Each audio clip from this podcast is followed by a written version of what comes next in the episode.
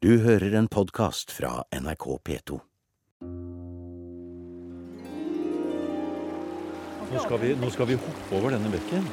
Det er en kantele. En bordharpe med røtter langt tilbake i den finske tradisjonsmusikken. Som følger oss på stien innover i Finnskogen. I tusen mål skog står og svagar i vind og tenker og er som et levende sinn. Og hjertet mitt Det er Sinikka Langeland som spiller og synger. Her med en tekst fra en annen av skogens kunstnere, Hans Børli.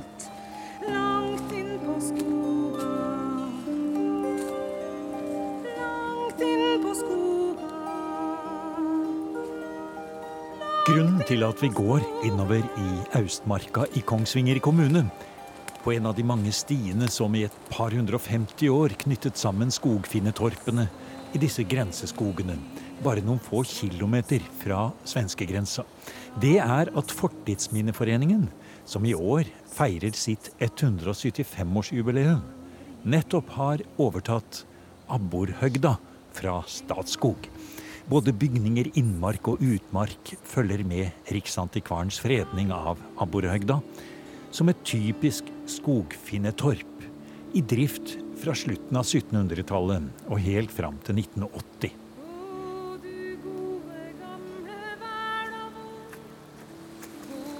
Det er veldig idyllisk her, altså. Så Skogfinnleden går jo her. Skogfinnleden, ja. Finnskogleden, ja. Det er en fin måte å kombinere natur og kultur. Nettopp. På vei innover i Varaldskogen i Austmarka i Kongsvinger kommune snakker vi om at en sliten husmannsplass fra den skogfinske historien er omtrent så langt fra stifterne av Fortidsminneforeningen i 1844 som det i det hele tatt er mulig å komme. Altså, noen av middelalderkirkene våre er jo på en måte ganske små og lavmælte, og i hvert fall var det når, før de ble satt i stand, eller restaurert. Men, eh, men du har jo et poeng. Men så er jo det 175 år siden, sier nåværende styreleder i Fortidsminneforeningen, Margrethe C. Stang. Hun ser framover. Og jeg tror jo kanskje at også at dette med den skogfinske kulturen For 175 år siden så, så var jo på en måte ikke den ordentlig norsk. Sant? Det er jo et helt åpenbart element av at det er også en finsk kultur. Og for 175 år siden så var man jo opptatt av å, å utforske det norske. Og, og nå er vi opptatt av å utvide det norske. Og, og da passer det veldig bra at Fortidsminneforeningen også har et sånt eh, skogfinntorp. Fortidsminneforeningens generalsekretær, Ola Fjellheim, går foran og finner veien på stiene i Finnskogen. Det var nok ikke mange som tenkte på å utvide det norske til også å omfatte omstreifere, romanifolk og skogfinner midt på 1800-tallet, sier han. Bortsett fra Eilert Sundt, pioneren i å beskrive allmuen og den fattigste delen av arbeiderklassen. Men selv han syntes han var langt hjemmefra da han dro på feltarbeid til Finnskogen. Han forteller veldig levende hvordan han på en måte eh, går inn i skogen, og langt, langt, langt der inne så treffer han en mann. Og det, det, det er på en måte sånn Han bygger opp under dette som en veldig eksotisk historie. Og det var nok kanskje litt synet på det også. At dette oppfatta man da som litt unorsk, og dermed så passet det vel ikke helt inn i, i beretningen som Fortidsminneforeningen var en del av den gangen. tror jeg. Men eh, vi skal snakke mer om hvordan Fortidsminneforeningen skal se framover. Men se rundt oss litt akkurat her nå, Ola. Nå er vi på en sti hvor altså gresset går ja, nesten over hodet vårt her. Og da tenker jeg på denne her spesielle eh, typen med rug, vet du, som eh, de dyrket i svedjebruket. Det er selvfølgelig ikke det vi ser på her, men det er morsomt at det vokser så høyt opp. Og så er det bringebærkratt innimellom. Og så er det sånn halvveis hogstfelt her, og en smal sti oppover. Her har de vel eh, gått med ryggsekkene sine, da. Ja, helt klart. Det, det, det landskapet vi ser nå er jo både veldig likt og veldig annerledes enn det som var når disse skogfinnerplassene var i full bruk. Fordi for å, å hente inn de ressursene de trengte, så måtte de jo bruke eh, området rundt seg etter datida ganske intensivt. Sånn at eh, de fleste områdene var jo eh, i bruk på en eller annen måte. Mens det vi ser nå, er jo et, et landskap som ikke er i bruk, for å kalle det det, eller Ja. som, som preges av en moderne driftsform i, land, i skogsbruket. da. Nettopp. Men Ja. ja, så det, så det spennende er jo for oss nå etter hvert, hvordan skal vi håndtere En ting er bygningene, det andre er kulturlandskapet tett opp til med Slåttengen og sånn. Og så må man jo se litt på okay, hvordan, hvordan er området rundt. Vi fortsetter oppover på hva heter det her, Kråkeberget på vei opp til Amborhøgda. Skogfinnetorpet der. Du har spist bringebær du, Margrethe. ja. Har du sett så flott? Og disse her laftahusa som står her nå. Vi går forbi her nå. Ja da, dette er en 1800-tallsbygning, så absolutt. Og den er jo tydelig at det er en driftsbygning. Foreningen jobber jo veldig mye med tradisjonshåndverk og ivaretakelse og i noen grad gjenfinning av glemt kunnskap knytta til tradisjonshåndverk. Og noe av det vi ønsker å gjøre her, er jo å ta med noe av disse byggetradisjonene på en måte inn i historien om tradisjonshåndverket i Norge. Fordi her har man gjort ting annerledes enn man gjør på Røros eller gjør på Vestlandet. Og Det er jo eh, det er jo, Torvtaket her er jo veldig annerledes enn noe annet sted. Eh, andre morsomme historier som man treffer rundt omkring ellers i landet også, er jo de her hakka i husveggen her nede. Det har Ja. blitt meg fortalt at uh, Ja. de kommer av at man rett og slett skulle prøveskyte gevær den gangen du støpte blykulene dine sjøl. Og da var jo bly også en mangelvare, ikke sant. Så da prøveskjøt du på husveggen. Og så gravde du kula etterpå. Så gravde du kula etterpå og kunne støpe den på nytt. Nei, der. Ja, det har vært en del skyting her, da. For det er en del av de gravehulla der, ja. De ser vi på den ene langsiden der. Jeg legger også merke til eh, noen sånn nær sagt rydningsrøyser, eller sånn pent opplagte eh, steinrader, gjerder. Jeg ser mye størkna svette her. Her er det fryktelig mange arbeidstimer som eh, ligger i, eh, i landskapet, ja. Det er ingen tvil om det. Og eh, det, det er jo Disse røysene har jo mange funksjoner. En ting er jo at du skulle bli kvitt steinen. En annen ting er at de gir eh, dyrkingsklima rundt de og i nærheten av de, som er veldig eh, Varmemagasiner. Nettopp. Ja. nettopp. Vi går eh, litt videre innover. Vi er ikke helt inn på tunet ennå. Men vi ser jo hvordan landskapet løfter seg opp her, Margrethe. Og jeg tenker liksom sånn De første som kom hit, hva de så Kanskje sto skogen tett rundt her. Det skulle ryddes. Det skulle bygges hus. Og se, nå kommer vi litt oppover, ja, på vollen her. Og nå ser vi Litt sånn atypisk i det at det er litt utsyn her. Ja.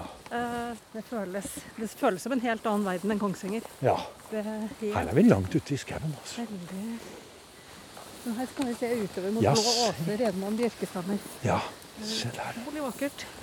Ja, det her var det flott, altså. Så inne på tunet her så ser du at det står et, et rognetre. Ja, Og det- ja. ja. er et sentralt element i den skogfinske kulturen, har jeg latt meg fortelle. Okay. At det er rognebærtreet som skal være tuntreet. Så veldig glad for å se det her. da. Så rognebærtreet der, de er faktisk med i fredningen til Riksantikvaren. Ja, det mener jeg. Vi ser to ting her nå, Margrethe, for nå har vi kommet inn på eh, det store, flotte tunet. For det første er det mange bygninger. Veldig mange. Ja. Det er separate bygg for bortimot enhver funksjon av hvert dyr. ja. Så Og jeg tipper på, siden vi snakker skogfinsk her, at det kanskje er en sånn røykstove et sted, eller i hvert fall har vært. Okshus oppi Ja. der, Ja. Uh, som vi kan gå og se på hvis, hvis vi tør. Det, Ja. det siger godt. Ja, ja. Og så har vi eh, våningshus her. Det ser ut til å være noe av de nyeste, Ja, det jo, og jeg, synes, jeg er jo litt opptatt av 1900-tallet. Og syns at vi i Fortidsminneforeningen må snakke mer om 1900-tallet. Så vi har jo fått et 1900-tallshus tilbake ja, nå. da. det virker sånn type 1920-30 eller noe. Nå det er veldig bra datert. 19, rundt rundt 1920. Nettopp. Um, så og med en sånn litt sånn sveitseraktig inngangsparti, da. Ja. Som står asymmetrisk på døren. Det stusset jeg veldig over når jeg var her sist. Men det er visstnok også tradisjon, da. Ja, for du, nå tar du frem kunsthistorikerblikket ditt. Ja, jeg gjør jo det. Jeg kan jo ikke la være å gjøre det. Vi er i Finnskogen i museum i dag. På tur med Fortidsminneforeningens styreleder Margrethe C. Stang og generalsekretær Ola Fjellheim. En litt annerledes måte å markere Fortidsminneforeningens 175-årsjubileum på, kanskje. Men Skogfinnetorpet på Abborhøgda i Varaldskogen og Austmarka i Kongsvinger kommune er nettopp overtatt av Fortidsminneforeningen. Rundt et vakkert tun på en liten høyde med stort utsyn over skogene ligger et våningshus og ti store og små bygninger. Og i terrenget rundt er det spor etter mange dyrkingsflater som en gang har vært i full drift. Det er Skogfinsk museum på Svulria i Grue, Anno museum og Riksantikvarens støttemidler, pluss mye frivillig arbeid, som har holdt tunet sånn noenlunde i hevd de siste årene. Og nå er det altså Fortidsminneforeningen som tar stafettpinnen videre. Det er viktig å tenke på at Abborhøgda bare var ett av mange skogfinnetorp i området. Og at det ikke bare er bygningene, men hele landskapet rundt som har stor kulturhistorisk verdi, sier generalsekretær Ola Fjellheim. Men det som er kjennetegnene for disse tuna, er ofte at det er et sånt mosaikklandskap, som vi kaller det. da. Vi er jo vant til å ha Etter utskiftingene på 1800-tallet så er jo et gjennomsnittlig gårdsbruk, i hvert fall på Østlandet, mye mer sånn strukturert. Sånn at du har innmarka et sted, og så har du utmark litt eh, et annet sted. Mens her så er det mer en sånn glidende overgang, hvor de har dyrka de flekkene som er mest egna for å dyrke, og har på en måte brukt andre ting til vedfang og lausanking og alt mulig sånne ting. Så derfor så får vi liksom ikke inntrykk av dimensjonene bare av å stå her. Men vi ser jo at jo, det er masse hus, det er ganske store lagerbygg, eh, store uthus, sånne ting. Og så er det kanskje lurt å tenke på at når vi snakker om den skogfinske historien, så er det en første fase med svedjebruk og innvandring fra Finland. Øh, Og en helt annen, øh, skal vi si, teknikk til å drive eh, i skog og med rug og andre ting, enn denne fasen av den skogfinske historien representerer. Ja, det er jo på mange måter et Altså det, er, det er jo flere kulturer som møtes, og eh, det er jo det Abborhøgda, den historien Abborhøgda forteller ganske godt, sånn som jeg ser den i hvert fall. At det, det er en, en slags flytende overgang da, mellom det skogfiskekulturen og den på en måte bonde- landbrukskulturen og måten å drive på som, man, eh, som kom fra andre områder. Og nå går vi bort eh, mot Røykstova, ja, var det det du sa? Nei, det er ikke den. Nei, Røykstova den er ligger der der borte, ja. Så dette er et dyrehus vi har foran oss. Nå skal vi gå inn i et av disse husene her, som vi står utenfor nå. Ja, tenk på det. Her tar du opp en slå, og det er jernbeslag, rustent og fint. Her har det vært litt maling, Margrethe, ser du på døra her? Her har det vært litt rødmaling, Litt sånn, sånn låvemaling. Og svære spiker, kanskje noen av dem smidd. Nå skal vi gå inn og se her, ja. Det, det er lavt. Det er eh, litt interessant å gå inn her. Nå går vi inn i Oi. Nå skal jeg, Siden du er med, Margrethe, så skal jeg til å si her står det en Kleberstens døpefont, men det gjør det i hvert fall ikke. Det er vel et trau. Det er et trau, ja. Da tror jeg faktisk er støpt også. Det ser sånn ut, ja. Det er litt mørkt her inne. Ja, Å, slags det fortsetter videre inn her. Nei, det, det er dyrehus. Er det grisehus, eller? De har hatt eh, Ofte under taket også. Det Ja. er jo sjelden at jeg må bøye meg. Ja. Så, Vi kan gå på Røykstua. Ja. Det er jo virkelig noe som hører det skogfinske til. Det er jo litt i kjernen, da. på en måte. Ja. Opp og til høyre. Og så har vi jo en, en morsomhet her oppe når vi kommer til Røykstua, fordi ut til høyre så har det stått en smie. Aha. Og der er det bare, bare grunnmuren igjen av den smia. Ja. Den var i dårlig stand allerede på 60-tallet. Eh, med et flistak som var på vei ned. Men ja. det er også en mulighet vi har, da, hvis vi ønsker, er å sette opp igjen et bygg på, eh, på Smitufta, som ligger ute på sida her.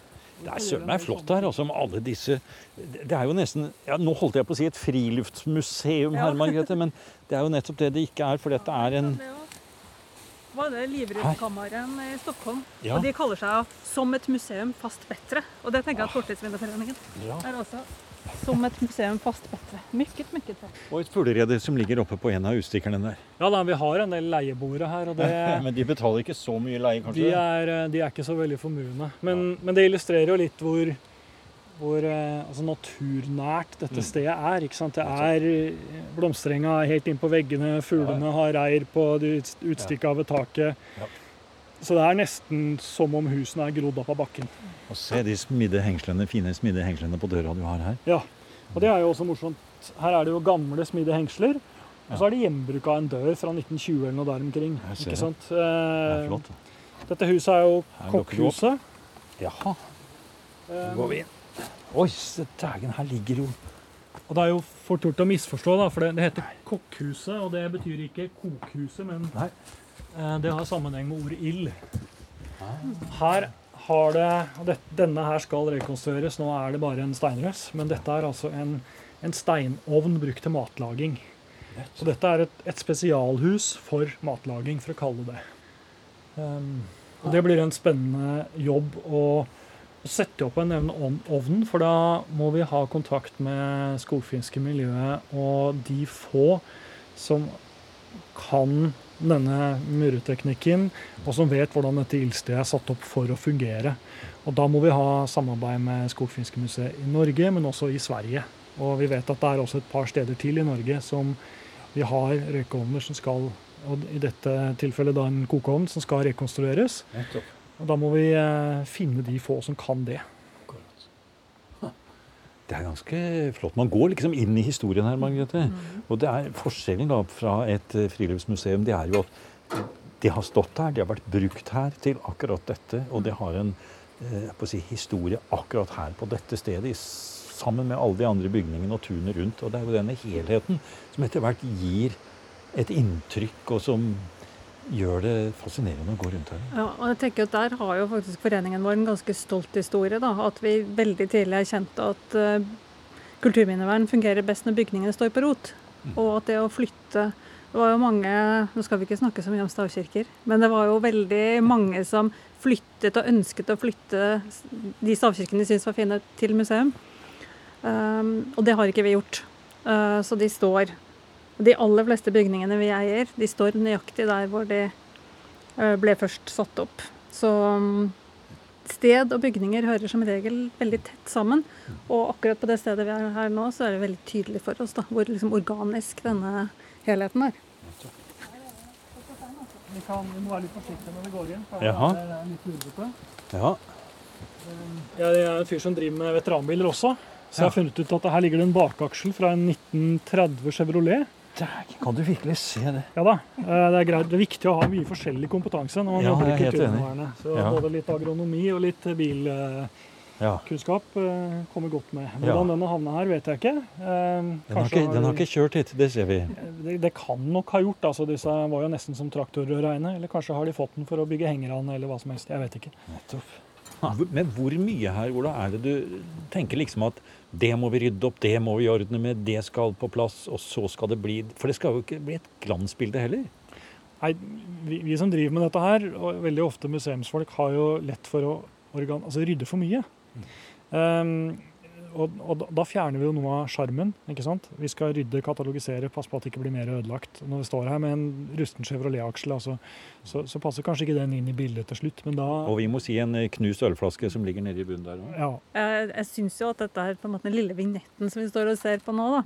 At det er jo liksom en sånn litt sånn tornerose um, slottaktig følelse. Så hvis vi kan eh, Hvis vi kan ta vare på uten å rydde for mye, da. Kanskje den knuste ølflasken kan få lov til å bli resirkulert av HMS-hensyn. Sånn at det på en måte skal jo være trygt å være her. Men eh, det skal jo ikke være polert på noen som helst måte. Dette stedet her er ikke polert. Det kommer aldri til å bli det, håper jeg. Mm. Så er jo dette en påminner om at Amerika ikke er så langt vekk. Denne um, veteranbildelen som vi oppfatter den som i dag. ikke sant? Og Hvis man begynner å se i bakover i historia til stedet, så er det jo en av de tidligere brukerfamiliene her hvor fem stykker i familien døde i difteri, og resten de ga opp og reiste. Og hvor reiste de? Jo, de reiste til Amerika. Titusen mål skog står og svagar i vind. Vi nærmer oss slutten på vår vandring sammen med 175-årsjubilanten Fortidsminneforeningen på skogfinnetorpet Abborhøgda i Finnskogen, som Fortidsminneforeningen nettopp har overtatt. Vi er sammen med generalsekretær Ola Fjellheim og styreleder Margrete C. Stang. Og vi snakker om hva det er som er verneverdig. Hvordan skal det tas vare på? Og hvor og hva er det Fortidsminneforeningen skal engasjere seg i? Og så tenker jeg også at det er viktig at vi ikke på en måte inn i en sånn felle med nasjonale minoriteter, da, eller minoriteter generelt. At de skal på en måte ha en sånn renhet. At vi ønsker at liksom veldig, veldig At alt skal være veldig typisk. Og bli redd for disse blandingsfenomenene. Det gjelder jo også samiske og sånne ting som der. At, uh, at uh, de minoritetskulturene må også være dynamiske og utvikle seg opp gjennom tiden. Det er her et veldig godt eksempel på. At man blander litt forskjellige trekk. At det ikke er liksom sånn, sånn ren kultur. For det er jo ikke noe poeng i seg selv. Og så er jo den skogfinske befolkningen det er jo også da en nasjonal minoritet nå. Og dette er jo deres historie. Ja, det er det absolutt. Og det er en, det er en viktig del av det vi har med oss inn også når Fortidsminneforeningen nå etter hvert blir eier av det stedet her, så er vi veldig tydelige på at eh, å definere stedet, hva det er, det er ikke opp til Fortidsminneforeningen. Det er på en måte det skogfinske miljøet som må gjøre. Eh, det er de som har, eh, på en måte kjenner denne kulturen godt. Og det for, oss å, komme og definere hva dette er, det kan vi ikke gjøre. Og i bruken av stedet så er vi veldig bestemt på at vi skal, vi skal utvikle plassen og um, kunne formidle skogfiskekulturen, men samtidig det å virkelig formidle den og på en måte være et type skogfinsk museum, det er det ikke vi som skal gjøre. Det er det Skogfinsk museum som gjør andre steder veldig, veldig bra. Så på en måte så blir vi et slags et slags supplement hvor vi tar vare på dette her og utvikler det så godt som vi klarer, men ikke i konkurranse med Skogfinsk museum. Eh, jeg står her og tenker på ved siden av disse flotte husene her på Abborhøgda, langt innpå Finnskogen, at jammen er vi, Margrethe, ganske langt fra de eh, fornemme herrer. For det var det jo som grunnla Fortidsminneforeningen for 175 år siden. Hva hadde de gutta sagt, tror du? De hadde ikke skjønt noen ting. Eh, og skal kanskje ikke undervurdere dem. De var jo, tenkte jo godt og var forut for sin tid. Men klart at de fleste bygningene her var jo ikke påtenkt engang når Fortidsminneforeningen ble stiftet. Men, men, for dem så var det nok også um, en uh, jakt på det, det, spesielt vakre, det spesielt gamle og det spesielt norske.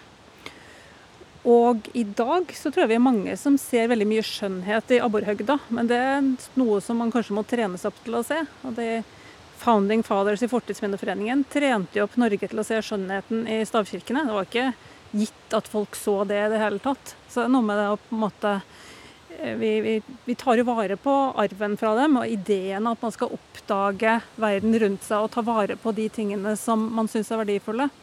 Men jeg, jeg, tror nok ikke at eh, antikvar Nikolaisen, som vel var styreleder i noen og 40 år, han ikke det? At han, uh, han hadde forstått at vi ønsker å gå inn i dette. Men det tenker jeg også er en styrke for foreningen. da, At vi må jo liksom mm. må jo faktisk endre oss hvis vi skal overleve. Og så Ofte så ender man jo opp med at bygninger blir identitetsmarkører på godt og vondt. da. Og er, Representerer en fortid som vi ønsker å identifisere oss med, eller er det noe som vi ønsker å kvitte oss med? Er det gammeldagse fint, eller er det gammeldagse verdifullt, eller er det eh, noe som man skjemmes over? Og, og, det er òg en ting som er bra med at Fortidsminneforeningen de siste årene har tatt inn uh, anlegg som tilhører minoritetskulturer. Uh, fordi at vi har på en måte hatt man kan si på fint, en sånn hegemonisk sånn stavkirker og middelalderloft og klosterruiner og sånne ting som der, og fortalt på en måte norgeshistorien med store bokstaver. Um, og nå har vi jo et sjøsamisk småbruk som er i Balsfjord. Og så, og så har vi nå i ferd med å skaffe oss Abborhøgda, med et uh, et skogfinskanlegg, så skriver vi jo dem også på vår måte inn i norgeshistorien. Akkurat sånn som moderne norgeshistorie skrives med også et blikk for minoriteter. Da. Så også å se verdien i minoritetskulturen burde jo vært åpenbart, men det har jo ikke vært det før. Så der tenker jeg at uh, vi, vi, må være med på den fortellingen. Og vi, Fortidsminneforeningen, hvis vi skal være en moderne forening, det skal vi, så må vi også, også skrive de, eller fortelle de fortellingene gjennom de bygningene mm. som vi har. Og så er det noe med det å se og erkjenne at uh, vi kan ha så mye god vilje vi bare vil, men hvis vi ikke har håndverket til å sette i stand ting, som kan teknikkene, som uh, er villige til å jobbe med gamle bygg, så kommer vi ingen vei. Sånn at det å satse på håndverk er veldig bredt, det er også noe vi kommer til å gjøre.